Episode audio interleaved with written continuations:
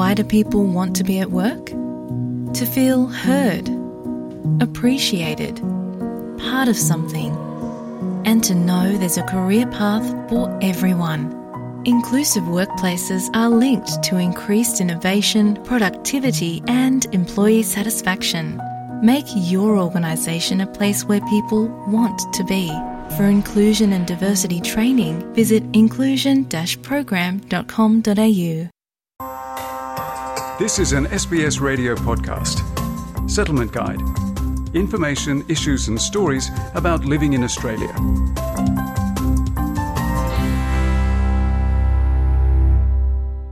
SBS acknowledges the traditional custodians of country and their connections and continuous care for the skies, lands, and waterways across Australia.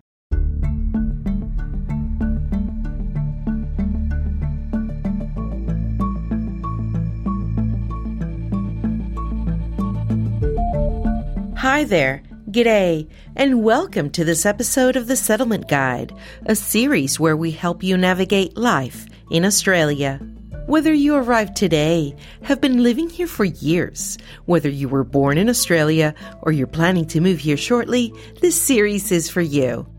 My name is Claudianna Blanco, and I came to live in Sydney more than a decade ago, and I'm still learning about life down under every day.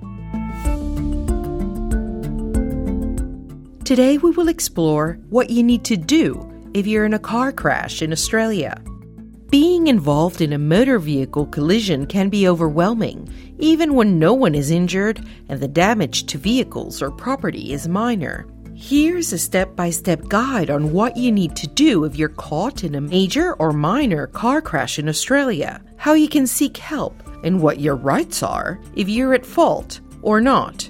You are required to exchange each driver's details and the details of the motor vehicle. You can take a photo of each of the vehicles with the registration plate, take a photo also of the damage of the car, then take a photo of the other person's license. And then you may ask for a contact number as well. Let's get started. In Australia, failing to stop after a motor vehicle collision is an offence. The first thing to do after a crash is ensure everyone involved is safe and confirm no one requires immediate medical assistance. New South Wales Police Sergeant Scott Stafford from the Traffic and Highway Patrol Command explains.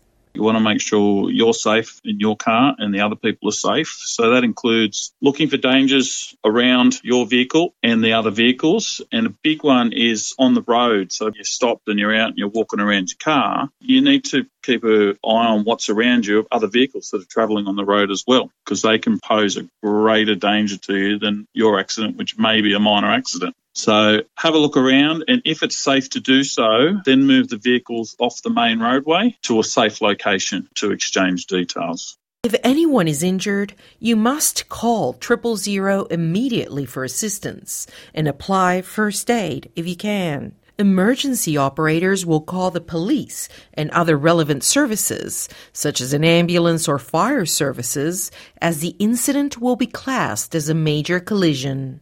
A major collision is where anyone is trapped, killed, or injured. Any of the drivers appear to be affected by alcohol or drugs. Any of the parties involved have failed to stop and or exchange their details. Police will attend a crash site when there are hazards on the roadway, an obstruction to traffic, or if a heavy vehicle is involved. Police can also intervene if anyone is significantly distressed or feeling intimidated by an aggressive party. However, in most minor car collisions where no one is injured, parties can start resolving the matter between them. Police do not need to attend the scene or initiate a criminal investigation into minor crashes. Sergeant Stafford says if both cars can be driven, you should look for a safe space to park on the side of the road to have a brief conversation. You are required to exchange each driver's details and the details of the motor vehicle. You can take a photo of each of the vehicles with the registration plate, take a photo also of the damage of the car, then take a photo of the other person's license. And then you may ask for a contact number as well. So all those details from minor collision provide to your insurance company and then they will work out who was at fault in the accident and chase up the other party in relation to getting things fixed. Jane Foley is a senior solicitor with Financial Rights, a government funded community legal center that provides advice and representation to people involved in motor accident disputes. She says if you're not at fault, it is critical to obtain the details of the other party to avoid unnecessary costs when you make an insurance claim, if you aren't at fault, if you don't have the name and address of the other party, your insurer will make you pay your excess. But often, if you've got that information, they won't. Um, notice if there are any witnesses or CCTV um, footage that might be useful later if there's an issue on fault. If you have private car insurance, you may want to contact your insurer as soon as possible to report the incident.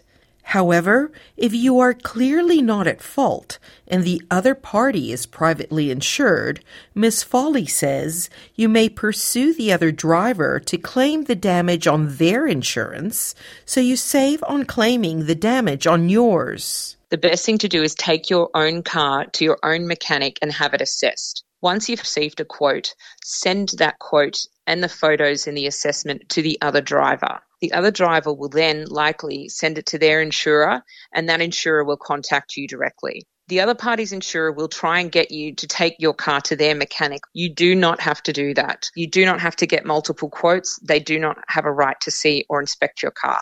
Ms. Foley says to obtain direct payment from the other driver's insurer, you must send them a letter of demand. However, the insurer may decide to negotiate the amount or have your quote assessed. If the amount that you are seeking is less than $15,000 and the other insurer isn't cooperating, you can lodge a complaint against them with the Australian Financial Complaints Authority. It's a free online dispute resolution scheme and they will make a decision and ultimately try and resolve the matter between the parties. If the amount is more than $15,000 and the insurer isn't coming to the table, you will need to sue them in the local court. But before you do that, I'd strongly recommend you get private legal advice. If you are at fault and you are insured, you can claim it on your insurance. However, if you are at fault and you're not insured, you will likely receive a letter of demand with the other party's quote for repair, but there is room for negotiation the best thing to do is to take the photos and the quote to your own mechanic and ask for a second opinion. You can negotiate a payment arrangement if you can't afford to pay it up front, and you can offer to pay a reduced lump sum. But again, I would recommend that you seek legal advice. Ms. Foley adds the Financial Rights website offers sample letters of demand and an online tool to help navigate a variety of situations regulations and laws are slightly different in each state. So we have a motor vehicle accident problem solver. Click the state that you're from and it will help you work out what to do and where to get help based on your circumstances. If you are physically or psychologically injured in a transport accident, you may be able to lodge a claim with your state or territory's compulsory third party insurance, also known as CTP. Damien Poole is the head of complex recovery and serious injury for the Victorian Transport and Accident Commission, or TAC, the social insurance scheme that manages CTP in that state. Mr. Poole explains how this insurance works. So we support people after they've had a transport accident and we also work with the community to reduce the risk of accidents happening. Each Australian state has similar organisations, although there are differences in the range and type of benefits that they provide. CTP insurance premiums are paid by motor vehicle owners when they register their vehicles.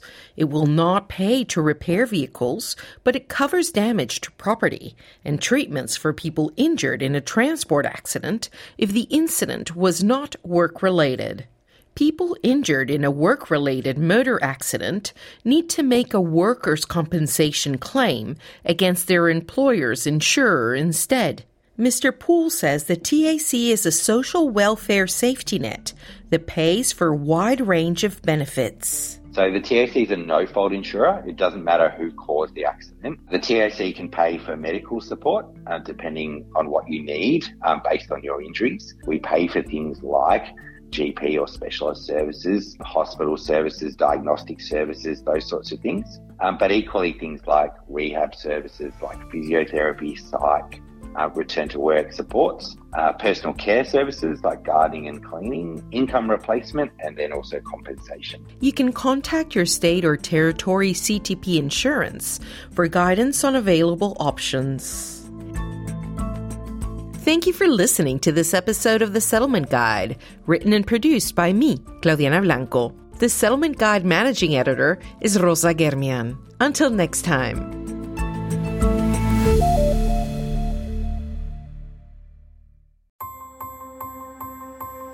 This was an SBS radio podcast. For more settlement guide stories, visit sbs.com.au/radio.